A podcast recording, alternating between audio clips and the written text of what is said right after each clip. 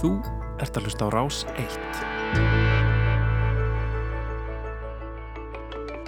En eins og við sögðum á þann, þá er það sérfræðingur vikunar og að þessu sinni er það Guðrýður Helgadóttir, gardirkjufræðingur, Guðrý í gardinum og hún er, þetta er náttúrulega synd að þessi útastáttur því hún er mætti viðjandi dressi, hún er hér bara í ermalösum blómaból sem að náttúrulega er bara besti vorbóði sem að hefur borist hingað inn á þessu ári. E, voru þeir að koma, hvað, hvað meigu við vera að gera núna? Já, það er, hérna, það er stórti spurt að þá eru bara sögur mjög skýr. Mm. Þetta er núna besti tíminn til þess að fara út og klippa trjórunna ef maður er ekki búin að því nú þegar. Vegna þess að nú eru þessar trjáplöntur að þær eru ekki alveg lifnaðar og vonandi lifnaðar ekki alveg strax því við, við, við, við hefum eftir að þreja páskana. Ráttalega með þreja þorran og góðuna en páskanir eru stundund aldrei snúnir, svona veðfarslega. Þannig að það er ágætt ef við ætlum að fara í svona vakstarmótandi klippingar á trjámörunum. Það er fínt að gera það núna áður þau lögast. Þá sjáum við svona hvaða greinar líka í kross og verður mögulega að skemma aðra greinar og við sjáum svo vel svona byggingu plantan akkurat á þessum tíma og þess er gott að klippa á þessum tíma. En síðan svona aðeins varandi klippingarnar ef við held áfram með það að þá er líka rosalega gott að klippa trjórunna þegar þau eru í fullum vexti. Þá eru þau fljóta að loka allum sárum þannig að það er allt í lagi að vera með klippunar og lofti alveg svona fram í, já, við skulum segja svona fram í miðan júli. Kanski ekki mikið eftir það vegna þess að þá fyrir að vera hægt á svona sveppasíkingum á vissinni. Mm. En svona að fara út með klippurnar, maður þarf náttúrulega að vita eitthvað, er það ekki? Það er betra. Og þess vegna hafa margi farað þá leið að, að annarkvort að fá fagmenni að klippa bara garðin hjá sér og fá þá skrúkar ekki menni eða, eða aðra fagmenta gargufræðinga til þess að sjá um þetta fyrir sig sem er náttúrulega frábært fyrir mitt fag eða þá að menn fá einhvern svona góðan gargufræðing til að leiðbina sér og það er margir sem vilja bara gera þetta sjálfur, hafa ánægja að vera út í gardi og ná sér í góða vöðva og, og fína reyfingu og útiveru. En þá er sniðut að fá okkur til að leiðbina sér með það hvaða tegundur er maður með í gardinum og hvernig ámaður að sinna þessum plöntum. Mm. og síðan getur maður bara fyllt því eftir Nú ef mann reykur í verðurnar að þá er einfalt að fá bara gargufræðingin aftur í heimsú til þess að segja manni hvað er hvað. Já, af því þetta er ekki kannski bara að fara út og klippa því þú kannski á einu stað með rósir og öðrum stað með einhverja alltara tegundi sem að þurfa annars konar meðhöndlun, er það ekki? Algjörlega og það er þetta að í flestum tilfellin erum við að rekta mismunandi tegundur af plöntum og viljum draga fram það besta í hverju plöntu. Og að því hún nefnir rósir og það náttúrulega eru suma rósir þannig að það er mynda blómbrumin árið áður. Þannig að rósetna sem var að blómstra hjá okkur núna í sömar, að þær voru að bisa við það í fyrra sömar að mynda fyrstu brumvísana blómunum. Þannig að það er búið að leggja inn í blómabankan. Svo er þetta búið að þroskast í vetur og þegar að þær löfka síðan í vor að þá byrja þær að blómstra. Ef að við þurfum út í gard bara með klippur og klippum eitthvað neginn, að þá er alveg eins líklegt að við klippum í burtu öll þessi blóm.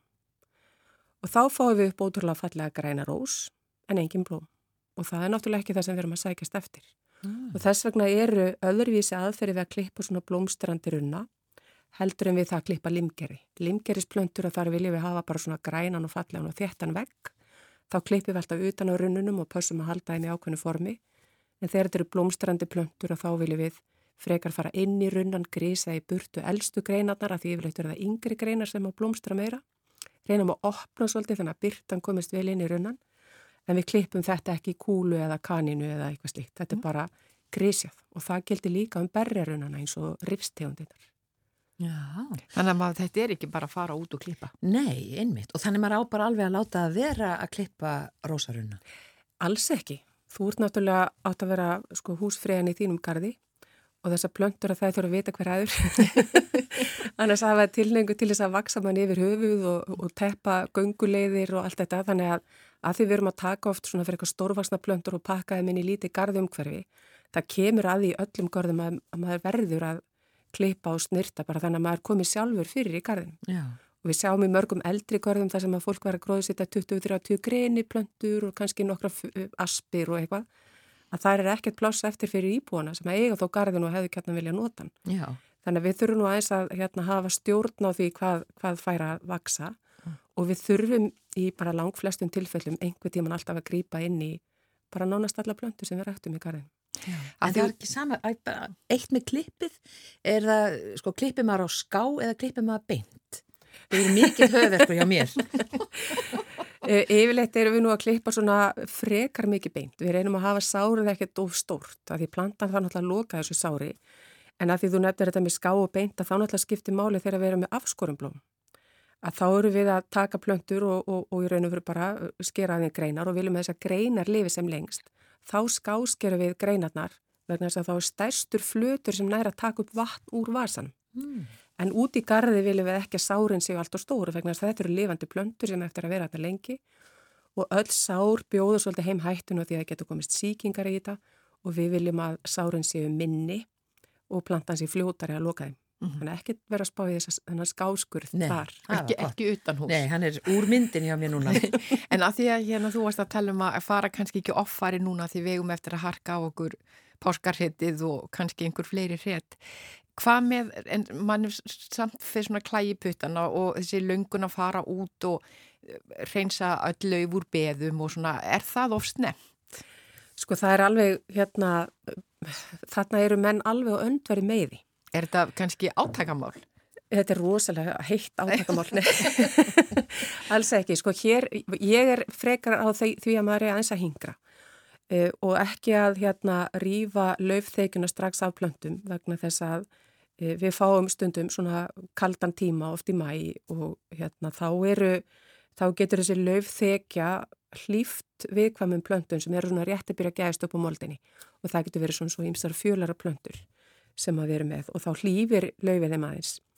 En síðan þekk ég sko fólk sem er hókið af reynslu í gardirkju sem að fer út bara á haustin og reynsar hvert einasta löfblad úr gardinum sínum og segja að það bara komi aldrei neyn áföll inn í þeirra garda. Þannig að þarna held ég að fólk verður svona bara aðeins að, að hérna, veg og meta hvort skólan það vil aðhyllast í þessu, hérna reynsunarskólan eða hérna yfirbreiðslu skólan. Ábreiðu skólan. Ábreiðu skólan. Af því þetta er svona, kannski er þetta eitthvað, hérna þið vitið að svo gott að kúrundi sænginni. Við fáum ekki alltaf svona snjóðungan vetur, snjór er náttúrulega frábær ef hann fellur helst á jörðina áður hann að fyrir að frista því að hann hlýfur svo gróðurnum sem er undir. Þetta er svona svo að vera bara með hlýja dúnsængi við veturinn. En svo er það á vorin ofta þegar hlínar að þá fara alls konar plöndur að drífa sig að stað og svo bara getur við lendi eins og síðasta sumar þegar við fórum með nætu fróstalveg langt fórum í júni. Já. Það var mjög erfitt fyrir plöndur. Já, þetta er semst fyrir eftir í hvort maður er kúrutýpan eða pressatýpar. Já, það má kannski segja það. Eða það, svo er kannski hægt að fara eitthvað svona milliveg hreinsar sum beðin þar sem er ekki svona vikvæma plöntur undir mm. og lætur svo hérna beðin með vikvæmu plöntunum eigast aðeins lengur.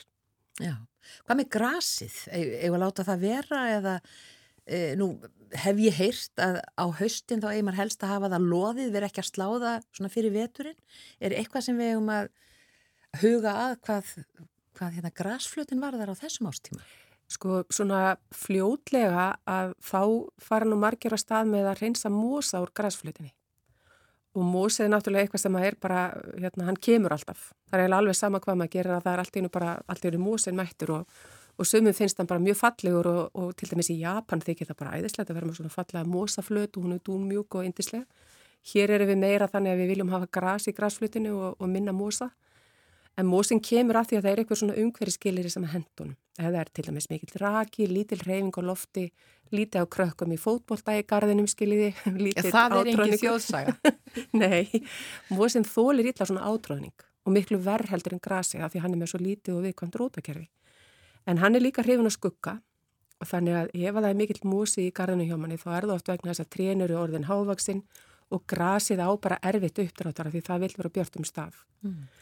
Þannig að þá er, en við reynum samt alltaf aðeins að fara út í svona mosa aðgerður úr vorin og þá er hægt að fara út og bara leia sér græju sem heitir mosatætari, mm. fara með hana yfir græsflutin á nokkra ferðir, síðan sapna maður allir, allir mosanu saman og, og hérna fer með hann í aðgerð og, og hérna, en þá er ofta eftir svona uh, græsflut sem lítur út svona svolítið eins og rísgröna aðgur eftir handsprengju ás, ég veit ekki hvort þetta er fallið samlíking, en allavega þá er þetta svona einhverjir toppar og stángli og þá þarf maður aðeins að hérna grýpa inn í og jáfnvel að sá græsfræði því að græsfræði þannig er þá að spýra í eigðunum á milli þegar græstoppa sem er eftir og bera á líka vegna þess að, að hérna, ábyrðurinn hjálpa græsinu mm.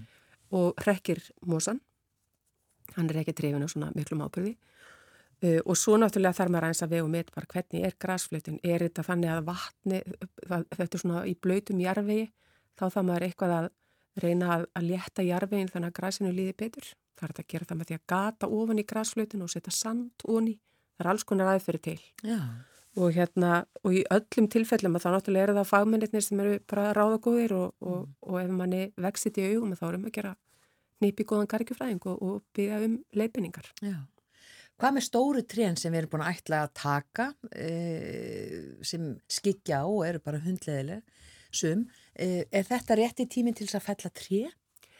Sko það er náttúrulega er verið að fella tré alveg hæri vinstri allstaðar. Þetta fer svolítið eftir tegundum og hérna tíminn núna er þægilegur vegna þess að trénur ekki farin að taka upp mikið af vatni ennþá þannig að þau eru svona léttari heldur en þeir eru þegar líður aðeins á sumarið Eh, en hins vegar sko svona út frá plöntulífilisfræðinni, að þú ert með stóra ösp í gardinum, að þá er út frá lífilisfræðinni sniðut að fellana akkur þegar hún er nýbúin að, að sprengja át löfblöðin. Að því þá er hún búin að nota allan forðan sem hún sapnaði í rótakerfið í fyrrasumar. Hún er búin að nota hann til að koma út löfblöðum og hún er ekki byrjuð að sapna nýjum forða í staðin. Og það þýðir að akkurat á þeim tímapunkti þá er mjög lítið eftir að fóðri í rótunum og það kemur minna rótaskotum. Hins vegar að þá eru gardirkjumenn ekkert rosalega spenntir fyrir því að fara að staða þeim tíma að því þá er þetta náttúrulega gífilega þungt þannig að það treði fullt af vatni. Mm. Þannig að þá fara menn svona millilegina og reyna að fella trén bara þegar þið eru ekki orðinlega aukuð. Mm. Mm. Þannig að það er svona, þetta er svolítið mismönd eftir tegundum. Já. Hvað geta þess að rætur orðið e, langar eða svona umfangsmiklar eh, eins og hjá öspinni? Það fyrir nú bara mjög mikið eftir í hvað jarfi hún er ektuð og ef hún er í frjósumum og, og, og góðum jarfi þar sem er hæfilega mikill raki að þá er rótakerfið ekkert brjálæðislega umfónsmikið venast að plantan þarf ekki að fara langt til að ná sér í, í vatn og næringu. Hins vegar að í kópavöginum, ég verstu bara um í kópavögi, þar var náttúrulega þetta mikla asparfár fyrir mörgum árum og þá var það eiginlega þannig að þar eru trén rektuð í mjög litlum jarfi og freka þurrum jarfi mm og það er að plantan er bara einhverjum svona örvettingar fylgri tilröðin að reyna að senda ræturna sem víðast til að ná í næringu og vatn. Það er ekki að því hún er svona illa innrætt, skiljiði heldur, er þetta bara meira hún er að reyna að ná í fóður. Þannig að í soliðis aðstæðum að þá geta ræturna verið ansi langt frá stopninum. En yfirleitt er nú svona ákveð hlut allar milli yfirbyggingareinar og, og, hérna, og massan sem er neðanjarðar. Þannig að við getum svona áætlað að rótakerfið far ekki marga 20 metra frá hérna trið sem er bara 2 metrar á hæð sko. Já, akkurat. E, spurningarna frá hlustendum þær, þær býða handan við hotnið þannig að við ætlum að eh, fá eitt lag hér á milli. Já, er ekki bara rétt að fá Elli Viljáns til þess að syngja fyrir okkur hérna?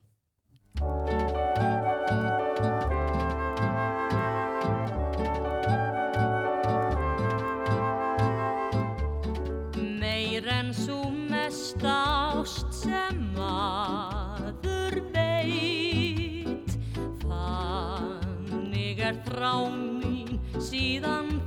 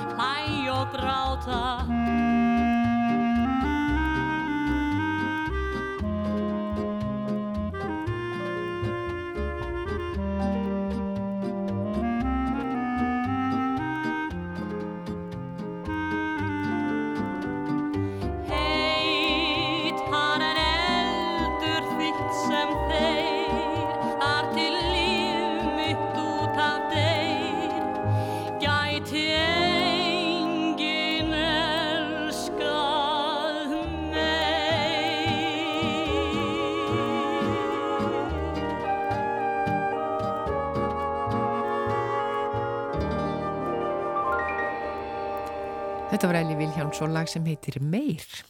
Og hún situr hérna hjá okkur, Guðrýr Helgadóttir, garðekjufræðingur eða Gurri og Gurri í eh, garðinum. í Gurri í garðinum og við erum eh, komin með, semst hún er sérfræðingurinn okkar og við erum komin að þeim tímapunkti að eh, leggja fram þessar spurningar og kannski bara, Margrit, Já, þá bara byrjum við hérna þessari fyrstu. Hvenar eigum að byrja umpotta og hvað ber að hafa í huga? Væntalega verið að vísa til sko, Stofublóma. Þetta er bara nákvæmlega rétt í tíminn.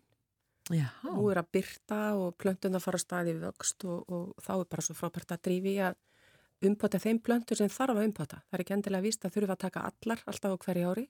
Stundum geta að vaksi í 2-3 ári sínum potti og við þurfum bara að passa að gefa þeim svo ábyrð og við þurfum einmitt að byrja því núna fljótlega. En svona þær sem eru farnir að þrengja vel út í pottana, við sjáum að það eru konar rætur vel nýri í guti neðst í pottinum, að þá þurfum við að fara að gefa þeim auki rými eða ef þetta eru þannig plöntur að við höfum kannski ekki allt og mikið pláss heima hjá okkur, að þá getum við farið og skipt þessum plöntum í sundur í 2-3 parta, pottum síðan einum hlutanum aftur í pottin sem það voru í og svo bara fyrir við að gefum vinum og ættingum restina. Já, Já færum það er sniðugt. öllum friðaliljur alveg í haugum. Hvort sem þið vilja eða ekki. Já. E, svo kemur hérna næsta. Hvernig á maður að losna við flugur af blómum? Ég er að reyna að rækta kryddjurtir í glugganum en enda alltaf á því að henda þeim vegna flugna sem ég losna ekki við. Sérstaklega finnst mér þetta eiga við um basiliku. Líklega er þarna verið að tala um svarðmi, litlar svartar flugur sem er alveg hrigalega leðilar og ég er einmitt að glíma við þetta heima núna. Eh, og Ég fekk einmitt svona kryddjurt heim og stundum kemur þetta með plöntum og það er voða leðilegt. Eh, Það er hægt að fá sérstakka þráðorma sem að, sem að fást í svona garðirkjuverslunum, það þarf hugsalega sérpantaða. En þessi þráðormar að þeir eru raun og veru síkja lirfur flugunar ón í moldinni vegna þess að svarmi það kemur yfirleitt vegna þess að, að jarfegurinn er aðeins og blöytur hjá okkur. Við, þetta kemur gætnan að því við ætlum að hugsa svo vel um plöntunar okkar. Já, Við erum alltaf að vögva og En það er basilikan, þarf svo mikið vatn. já, og þá er áskorunin þar einmitt. Það er að hún þarf að vera í rökum, rækri mold en það einmitt skapar skilirði fyrir þessa flugur. En byrju, er eitthvað betra að vera með hann orm heldur en flugurnar? Já, sko þráðormatin eru bara agnar smári, við sjáum það ekki með berum augum. Þetta eru bara náttúrulegir óvinnir þessara flugna í þeirra heimkinnum. Og þegar við setjum þessa þráðorma ofan í moldina, að það eina sem þeir gera er að ef það eru lirfur til staðar að þá hafa þeir fóður, en ef það er engar lirfur að þá deyja þeir. já. Þetta er áhugavert. Það er þetta mjög er- Hvað áhuga. sér Já. þráð ormar? Þráðormar og þetta er í raun og veru flokkastundir svo kallega lífrænar varnir. Mm. Og við reynum náttúrulega að nota það vegna þess að, að þegar maður er rækta plöntur heima hjá sér þá er ekki nokkur einasti maður í landinu sem að vil fara að vera með ykkur eiturefni og lofti. Nei. Og sérstaklega ekki inni. Og alls ekki eitthvað sem þú ætlar að borða. Nei, nei. Já, bara, akkurat, fyrir utan það. Uh, hér kemur spurning þrjú, sælgurri. Nú á ég nýjan garð, þar að segja, ég flutti úr blokk í haust og í raðhús með garði og langar að koma mér upp góðum gróðri. Eru það sérstakar tegundir sem ég ætti að hafa í huga? Nú tek ég fram að það eru bara runnar og gras núna í garðinu. Þetta er mjög góð spurning, þess að það er einmitt þetta þegar maður flytur í garð og maður einhvern veginn er með alls konar fyrir fram og maður þekkir ofta ekki tegundarnar og hefur kannski ekki reynsla af ræktun. Það sem ég myndi alltaf ráðleika fólki að gera, það er að aðeins að sjá bara hvað er í garðin. Fylgjast með fyrsta sumarið, hvað kemur upp, að því stundum gæjast upp einhverju laukar eða einhverja fjölaraplöntur sem maður sér ekki við veturinn og svo er þetta kannski sko gullfalleg dýrindi sem að hérna, maður átt að sjá því að maður vil gætnan hafa í garðin. Það er líka mjög sniðugt að, að hérna, taka myndir af plöntunum sem er með, er með og leita síðan upplýsinga. Fara í gargistöðvar og, og segja, herru, hér er þessi planta, hvað heitir hún? Eða fá greiningu á henni. Já. Og svo en maður það líka svona velta fyrir sig hvernig ætlar maður að nota þennan garð. Er þetta, ætlar maður að vera með svona dvalarsvæði eða vil maður hafa matjúrtagarð eða eitthvað stíkt? Og þá getur maður eins átt að segja á því svona fyrsta sömurinn hvernig þetta er. Kanski er maður strax búin að ákveða það að maður vil hafa palleikustar, þá bara fer maður í það. En það er samt svona mín rálegging væri að fylgjast með hvað er í garðin Svona til að byrja með. til að byrja með. Já, og líka bara svona eins að reyna að læra inn á þetta, hvað er í gangi og fá fagmann til þess að segja manni til um klippingarnar að því kannski er þetta rósagarfur og það er rosalega eld að maður fyrir út með klippur og maður klippur eftir bestu vitund en, en klippur rósarnar í kúlu og er bara með grænar þúfur skilji, við vorum að tala um klippingar þegar því morgun. Akkurat, já. Einmitt, þetta er ágætist ráðlegging uh, svona, og sérstaklega fyrir það kannski sem eru óþólimóður og að og langar að koma sér upp ykkur um svaka flottum garði akkurat í sumar að, að, hérna, að vera þólinmóðir og sjá aðeins fyrst. Þetta er svolítið þannig í garðirkjunni, þetta þið vitið, aðeins að býja og sjá, kannski kemur frost, nei. en það er svona líka að því að þegar maður kemur svona glænir inn í, inn í þetta umhverfi, þá oft áttar maður sér kannski ekki á því hvað maður, hvaða gullmála maður er með í höndunum. Mm. Og aldrei að vita hvað leynist í, í görðum. Einmitt, að því svo bara sumarplöntur að þær falla alveg niður á haustinu, svo fjölararplöntur og laukar og svo bara er að dúku upp alls konar. Mamma kefti garð fyrir mörgum árum og, og þar hafa æsíðan komið upp túlipannar og undarlegustu stöðum. Hún hefur aldrei sett niður túlipannar í garðin. Já, Svo er hún alltaf rosa hissa, býtu gulur túlipanni hér. Mjög skemmtilegt. skemmtilegt. Já. næsta spurning. Já, eh, hvenær er best að sá fyrir kartöblum? Ég kefti mér aðganga matjúrtargarði í mínu bæjarfélagi og var að velta þessu fyrir mér og eitt í viðbót ætti ég að setja eitthvað fleira niður. Tek fram að ég nenni ekki að hugsa um garðin stanslust í sumar. Svo þetta verður að vera eitthvað sem sér um sér sjálft. Já, Já, það, við viljum náttúrulega all vera með svona frekar viðhalds uh, frían garð. Kartublutnar að þær ræktu við upp af útsæði og það er einmitt svona um miðjan aprílu um það bila þá er ágætt að fara að ná sér í útsæði og það er yfirleitt til í öllum góðum garðirkjuverslunum að þá er þetta að fá svona útsæði jafnvel í minni pakningum, stundum er þetta í því við til 5 kíló á pókum en stundum er þetta að fá í svona minni umbúðum fyrir lítinn heimilisgarð. Og þegar maður er komið með útsæði í hendurnar þá er fínt að ræða því í bakka og hafa bakkan og svolítið björtum stað. Og það sem gerist á er að litlu kartöflutnar að það eru mynda spýrur og við viljum ekki að spýrurnar verða þetta rosalega langar. Það er fínt, þær eru svona 1-2 cm og svolítið fjólubláar, þá eru það sterkar og góðar og síðan bara þegar hlínar í mæ, svona upp úr miðjum mæ, að þá er tilvæglega að fara og setja þær niður út í garð. og hvað er maður að geima þessa bakka? Björtum stað, ekki alltaf Ekki undir rúmi. Ekki Nei. undir rúmi, það er verra. En svona í norður eða vestur glugga, þar sem er bjart, eh, hafa samt ekki ofháan hita, ekki kveikja opnunum undir. Það er ágætt að hitast í þessi svona 12 til 15 gráður. En maður hefur bílskúr eða kalda geimslu með góðum glugga þar sem er hæfilega bjart. að Þá er þetta, þetta fínt en það þurfa ekki að standa á sólríkasta staðnum í íbúðinni. nei, Ekki skella í með suðurgluggan. nei. En að þjón er að spyrja um hvort það sé sniðið að setja eitthvað annað niður. Maður verður náttúrulega aðeins að hugsa um þetta. Það þýðir náttúrulega ekki að láta þetta drukna allt í arfa. Það er nefnilega málið að það er arfin sem að náttúrulega kemur alltaf að því við erum búin að búa til svo frábæran í arfi í bandurstakarðinum og það vilja bara allir njóta hans. en það eru líka, sko, ef maður ætlar að fara út í rækta káltegundur og rófur, að þá þá maður líka að hugsa út í kálflugu. Og þá þarf að breyða yfir plöntunar akrildúks vegna þess að hann í raun og veri kemur í veg fyrir það að kálflugan geti verpt niður með þessum hérna, plöntum. Og það þarf náttúrulega líka í þurru sumri að koma og vögva þegar þurft. Skiljið þannig að það er eiginlega ekkert til sem heitir instant umhyrðulegs gardirkja. Nei. Þannig að það er ekki hægt að fara svona einhverja hérna, krókaleið að því eða svona einhverja flítileið. Þetta eru náttúrulega, þetta eru náttúrulega lífverur, Þetta er lífandi líf- verur. Já, það er kannski líka málið. Ef að maður vil fá svona umhyrðu lausan gróður að þá mæli maður með bara plastblómum eða rækta grjót. Að eitthvað annað. það er alltaf eitthvað. En, en það eru samt sko svona káltegundi sem eru hargerðar og duglegar. Svo grænkál, það þarf ekkert mikið að hafa fyrir því. E, og náttúrulega svo finnst mörgum gaman að hafa eitthvað brokkoli og rófur, gullrætur. Þú veist, það er vaksa náttúrulega bara sjálfar en það er alltaf þannig. Maður verður að, að hérna, reyta arfa, passa upp á vökunina. En myndur þú setja svona akrildúk bara yfir, eh, já, allan gardinu, yfir kartelblöðna líka? Ég myndi gera það ef ég, ef ég fer að staði með mæ Hmm. að þá, og ég set dúkin yfir, að þá er svona 2-3 gráðu herri hiti undir dúknum heldur en fyrir utan dúkin. Þannig ég myndi hafa dúkina alveg þanga til að vera um komið svona viku af júni, allavega nefnir karteblunum, ég hafði lengur að það er kallt í veri, en síðan tekið hann af þar. En yfir kálplöntunum að þá er það í raun og veru besta ráðið gegn kálflugunni af því við erum ekki að eitra. Það er í fyrstulega skiptiræktun ekki að rækta kálið á sama stað í gardinum ár eftir ár eftir ár og hitta sig að hafa dúk yfir plöntunum bara alveg þessan út sumarið. En maður þarf að passa að hann sé svolítið rúmur þannig að þessi sverjum til vakstar. Mm. En vökvaru í gegnum dúkin þá? Sko eða? þegar það rignir, Mm. þá fer vatni gegnum dúkin. En ef við erum svo ótrúlega heppinni á suðvesturhóttninu að við fáum sólríkt og þurrt sumar, að þá náttúrulega þarf maður einstakar sinnum að taka dúkinu upp, hreinsa arfa og þá nota maður tækifærið og vökvar vel í leiðinni. Mm. En annars er þetta, hann hleypir í gegnum sig vatni. Já. Þetta var bara fínt svar Já. held ég. Þetta var, já, Svo er komið hér, e, þið voruð að tala um friðarliljur hérna áðan og hér kemur einn spurning, stofuplöntur. Friðarliljan mín sem er orðið nokkuð öldruð verður brún á endum blaðana og stundum á jöðrunum. Þetta gildi líka e, um aðra plöntu sem ég á en ekki allar, til dæmis hafa í rósina mína. Þetta verður ekki gerst fyrr en ég flutti í nýja íbúð. Hvað veldur?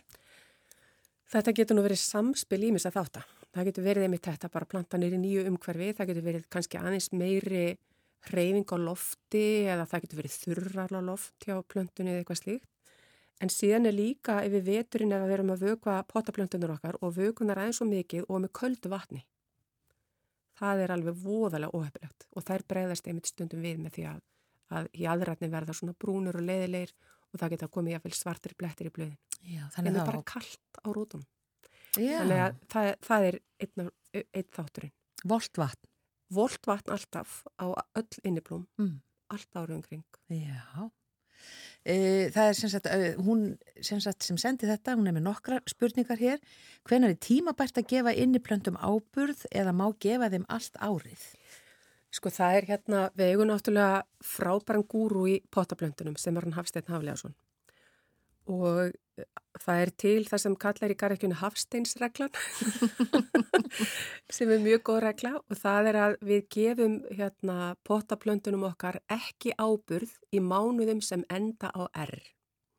Já. Þannig að frá því september og fram í februar að þá sleppum við nánast ábyrðargjöf á inniplöndunar okkar. Þær er ekki að vaksa. Eru bara, það er lítil byrta og þetta er ekki svona náttúrulegur vakstartími fyrir þessa plöndur. Hins vegar núna þegar að fyrir að byrta og plöndunar fara að búa sig undir að vaksa yfir sömurinn að þá þurfa þær líka að fá ábyrð. Þannig að við erum að byrja bara núna frá svona voru jafndægurum og alveg fram í, í lok ágúst og kannski eitthvað aðeins inn í septemberskilið fyrir eftir bara hvað þeir eru sprækar að þá gefum við inn í plöntunum okkar ábyrð. En ekki við blá vetur en þær eru bara ekki að taka upp ábyrð þeim tíma. Mm. E, og svo eru tvær e, til viðbútar frá þessari. Hvenar er tímabært að sá fyrir kryddplöntum og hvenar er óhætt að setja þar út og hvaða kryddplöntur þóla ekki útivist? Ef við byrjum á síðustu spurningunni að þá náttúrulega er það kannski basilikan sem er augljósasti hérna, augljósasta kuldaskræfan. Hún vil bara vera inn í púki, vil vera inni. E, flestar svona aðrar algengar kryddurtir getur við ræktað utan hús en salvi á rósmarinn eru svolítið kulvís. Þeim, aftur á móti sjáum við með salvi og rósmarinn að þetta eru plöntur sem þurfa svolítið góðan loftraka þannig að þegar við erum með þær inni að þá vilja það stundum innþotna svolítið með tímanum. Og þá þarf maður að passa að úða þessar plöntur bara mjög reglulega með volgavatni, aftur volgavatni. Mm. Kaldar sturtur eru illa þegnar hjá plöntum. E, varandi sáningatíma á kryddurtum að þá er það svolítið breytilegt eftir hvaða tegundur eru um að ræða. Til dæmis steinselja þarf mjög langan tíma, þannig að henn er yfirleitt sáð í februar. Þá er ég að tala um þetta hrokknu steinseljuna sem að flestir hafa í huga þegar er að tala um steinselju. Hérna brauðterturnar úr Brauðterturnar. fermingavistunum og dúskarnir út um all Já. af því enginn borðaði Já. steinsiljuna. Nei, nákvæmlega, en þetta hefur breyst, sko. Núna byrjar fólk að jafla á steinseljunu ofan af brauðtertunum. Hún er svo holl, sko. Já. Já.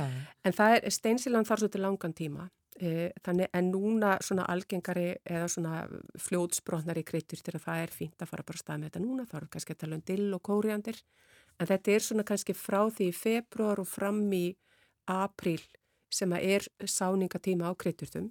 Nú ef að við eigum steinsiljufræ og viljum byrja að rækta hana núna, þá er ekkert sem segir að segja ekki allt í lægi, en þá eru þær bara tilbúna svolítið setna. Já. Og Það fara ekki- út þá hvenar bara júli eða? Nei, við getum sett þar út bara um leið og fyrir að hlýna í veri. En þær vaksa bara hægar og, og verða bara minni dúskar. Þannig að þær kannski ná ekki fermingavislunum en svona kannski einhverja haustvislur. Já, einhver svona gæti 50 verið. sammæli Já, svona, í ágúst kannski. ágúst. Herðu, áframhaldu við e, rósir í pottum í köldu gróðurhúsi stendur hér. Ég hef vökvaðar einu sinni mánuði vetur og þær eru sprellifand og fínar. Virðast þær að komnar úr vetraldvalanum því það eru komið ný lauf, búin að snirta þær og klippa en spurningarnar eru á ég að umpotta svo þær fái nýja mold og hvað á ég að vökva þar oft núna? Einni langar mig að spyrja hvort rósir sem hafa alltaf verið í gróðurhúsi geti plumma sig ef þær eru settar út í garð. Ég má byrja á umpottuninni. Byrjum á umpottuninni að það fer bara eftir í hvað, hversu stórum pottum þessar plöntur eru. Ef það er í mjög stórum potti þá er kannski óþarfið að vera umpottaðum á hverju ári. Það sem það getur gert hins vegar það er að bæta smá moldarlægi, bara næringaríkur og góður mold ofan á í pottinum. Þannig að það kemur svona svo, uh, hvað segir mér, toppdressing, hvað er nú gott íslenskt orði við það? Bara svona f- f- fríska þetta aðeins upp. Eins já. upp og þá setur maður bara gott moldarlag ofan á í pottinum og það er líka gott að passa við okkur þessar plöntur með ábyrði eins og allar aðra plöntur af því þær eru jú í potti og hafa engar aðra leiðir til að ná sér í, í næringu. Uh, varandi vökunina að ef að það er heitt í veðri og svona þá þá maður náttúrulega vöku oftar ef það er mikil rigning og dumbungur þá vöku maður sjálfnar. Þannig að þá er ágætt að fylgjast náttúrulega með plöntunum reglulega. Eitt af því sem maður getur gert er að reyna svona að lifta kannski aðeins brúnin á pottunum. Ef manni finnst potturinn mjög léttur, þá þarf að bæta vatni. Ef að potturinn er mjög þungur, þá er örglega fullt af vatni í pottunum. Og þetta er náttúrulega inni, þetta er inni í gróður. Þetta er inn í gróðursi, Köld, já. En þar hlýnar náttúrulega verulega mikið á sumrin og það er einmitt að því núna er farið að byrta svo mikið og dagurinn er langur og það meiri sig að það er sól úti núna. eh, Að þá hlýnar mikið og þá rökkva plöntunar í vakstargýrin og þá þarf maður að fara að vökva oftar. En það er einmitt leikil atriði með svona plöntur í gróðurhúsi við veturinn, það er að vökva þær því að það er eh, svona einu síni mánu, því að þær hafa út í náttúrunni værið þær að fá rigninguna. Og svo En þessi aðeins- góða kona ætti þá bara hérna fara út á hverju mótni og lifta og vita hvað þingdin á bóttanum. Það er kannski full langt gengið en svona einstaka sinnum aðeins að taka stöðuna Já. en svo er líka hægt að setja fingurinn ofan í moldinu og ef að moldinu er þurri svona á 2 cm dýpi að þá þarf greinlega að fara eitthvað að huga vökvin. Já. En að því að það var líka spurt um sko með plöntuna hvort þessi hægt að hafa þær úti Já, að það er allt í lagi að taka svona plöntur og skuttla þeim úti yfir sumarið en ekki gera það fyrir það er orðið veðri. Ef, Mm. ef að maður tekur það núna úr 15 stiga hitanum inn í gróðurúsi og skuttla þeim úti í þrjárgráðunar að þá er það ekki, ekki gott fyrir plöntunar. Það er svo mikið sjokk, plantan kólnar all niður og það getur eiginlega gert það að verkum að hún bara hugsa sér tvisar um, hún er bara hægt að vaksa í byli og þá tekur það nú svolítið tíma að komast að stað aftur. Hún fær kuldasjokk. Já. Uh, hér er spurning um dalíur. Ég var með dalíur í gróðurhúsi síðastliði sumar, klifti það niður og skildi hníðin eftir í pottunum. Nú skilst mér að ég hefði átt að geima það öðruvísi. Geti tekið þau úr moldinu og sett í nýja moldi eða er þetta alveg vonlaust? Þetta er nú ekki vonlaust. Það er talað um það að maður taki dalíun hníðin og geimi þau í sandi yfir veturinn Hmm. uh, og það er gott fyrir hníðin uh, en ég bara hef mjög áræðanlegar heimildi fyrir því að fólk hafi áður glemt dalíun hníðinum sínum í potti og þá er í raun og verið leikilatrið að það er ekki verið að vökva dalíunar yfir veturinn. Og, og ástæðin fyrir því að þau eru, eru geimt í, í hérna, sandi er svo að hníðin þó líka standa í miklu vatni við veturinn. En ef að þær hafa verið í pottin í gróðrúsi og það verið ekki verið vökvað, þá getur bara vel verið að það komi upp daljur af þessum hýðum. Það er hins vegar ágætt að setja daljun hýðin í góða mold. Þessar daljur sem vaks upp að hýðum að það verða hávaksnar og flottar og við erum að rekta til þess að fá þessi brjálæslega stór og fallegu blóm. Mm. Þannig að því næringaríkari sem moldin er sem að daljurna fara í, því betra. Þannig að það er alls ekki galin hugmynd að taka daljun hýðin, setja þau í annan pott með góðri mold og bara halda áfram eins og ekkert af ískorist. Já, látt eins og ekkert sé. láta bara eins og við, Já, við bara eins og hafi þær í sandi. Eh, Það er meira hérna sem að tengist hérna gróðurhúsum. Hér spyr einn, er betra að forrækta bóndarósir í gróðurhúsi eða á að stinga laukunum beint í beð? Sko, yfirleitt er verið að selja bóndarósa hnýðin svolítið snemma á vorin. Þannig að þetta eru svo kallega vorlaukar eða hnýðir sem eru selgt á þeim tíma. Þannig að það er kannski um þetta leiti, einmitt er að dali um hnýðin og allt þetta kemur í búðunar, að þá er allt og kallt úti. Fyrir að fyrsta getur verið frost í jörði þannig að það er eiginlega nánast vonlust að koma plöntinu niður eða niður nema maður er í góðan játkall. E, maður græðir hans tíma á því að koma þeim til inn í gróðurhúsi. Þannig að ef maður á gróðurhús og er með þessi nýði þá er fínt að setja bundarhúsunar í svolítið góðan pott, setja nýði niður þannig að standi svona e, rótar hálsin aðeins upp úr pottinu. Maður sér það þegar maður skoðar nýðina hvað er rótin og hvar brumin eru e, og síðan að rekta er inn í gróðurhúsi þangu til að hlínar gróðursetta er síðan bara snemmi í júni út í garð. Já. Já. Heyrðu, og áframhaldið, það er sko fullt af spurningum hérna. Mm Eh, hér er ein hver sem er að velta fyrir sér muninum á sáðmold og kókosmold. Hvort telur þú vera betra? Já, Hvað er kókosmold? Kókosmold er mold sem er unnu nú svona kókostrefjum og það, það fer í raun og vera alveg eftir í hvort að hún er áburðarblönduð eða ekki. Ef að kókosmoldin er ekki blönduð mikið með áburði þá eru það fínt að nota hana sem sáðmold en sáðmold er í raun og veru bara hugtak sem við notum yfir mold sem að inniheldur mjög lítið af áburðarefnum. Þannig að þegar við setjum fræ í mold þá erum við í raun og veru að reyna að lokka ræturnar út til að fara að taka upp næringu og ef að það er mikið af áburði í moldina þá eiga fræðina til að innþóna svolítið. Þá fer vögvin út úr fræðinum en ekki bara ræturnar. Þannig að í gardirkjuna þá erum við yfirleitt frekar að hugsa um það að sáðmoldin sé frekar áburðarsnauð en síðan þegar kemur að því að rekta plöntunar áfram að þá þurfa plöntunar að hafa góða næringu. Þannig að það þarf að lesa umbúðunar með kókusmoldina. Er búið að blanda áburði saman við hana eða er þetta áburðarsnauð eða áburðarlítil mold? Ég hef bara aldrei heyrst um Nei. og þetta er selt hér. Já, já. Já, já. Og þetta er bara, og fólk er bara að kaupa þetta. Við erum svona svo miðaldra. Við erum miðaldra, ekkert eins og. Ef ekki miðaldra plus. En ég hef verið að rækta, hér er síðasta spurningin, í rauninni, eða svona ein af þeim, eh, ég hef verið að rækta útiblóm frá fræjum og haftu undir ljósi innan hús. Nú eru þau fyrir innandira. Ég hef með kallt gróðurhús, er mér óhægt að setja þau út í gróðurhúsið núna. Síðustu nætur hefur hittast ég farið niður í pluss 2-3 gráður og hvað gerist ef ég fer með þau út, munuðu deyja af kulda eða hægir bara á vextinu? Sko fyrst að það er kallt gróðurhús þarna og það er gott millistig að þá myndi ég telja að veri óhætt að fara með plönturna þangað út. Hins vegar í öllum gróðurhúsum þessa lands um þessar myndir að þá getur orðið ansi kallt á nóttunni og þá þarf maður að hafa einhvern möguleika til þess að koma með hita á köldustu nóttunum.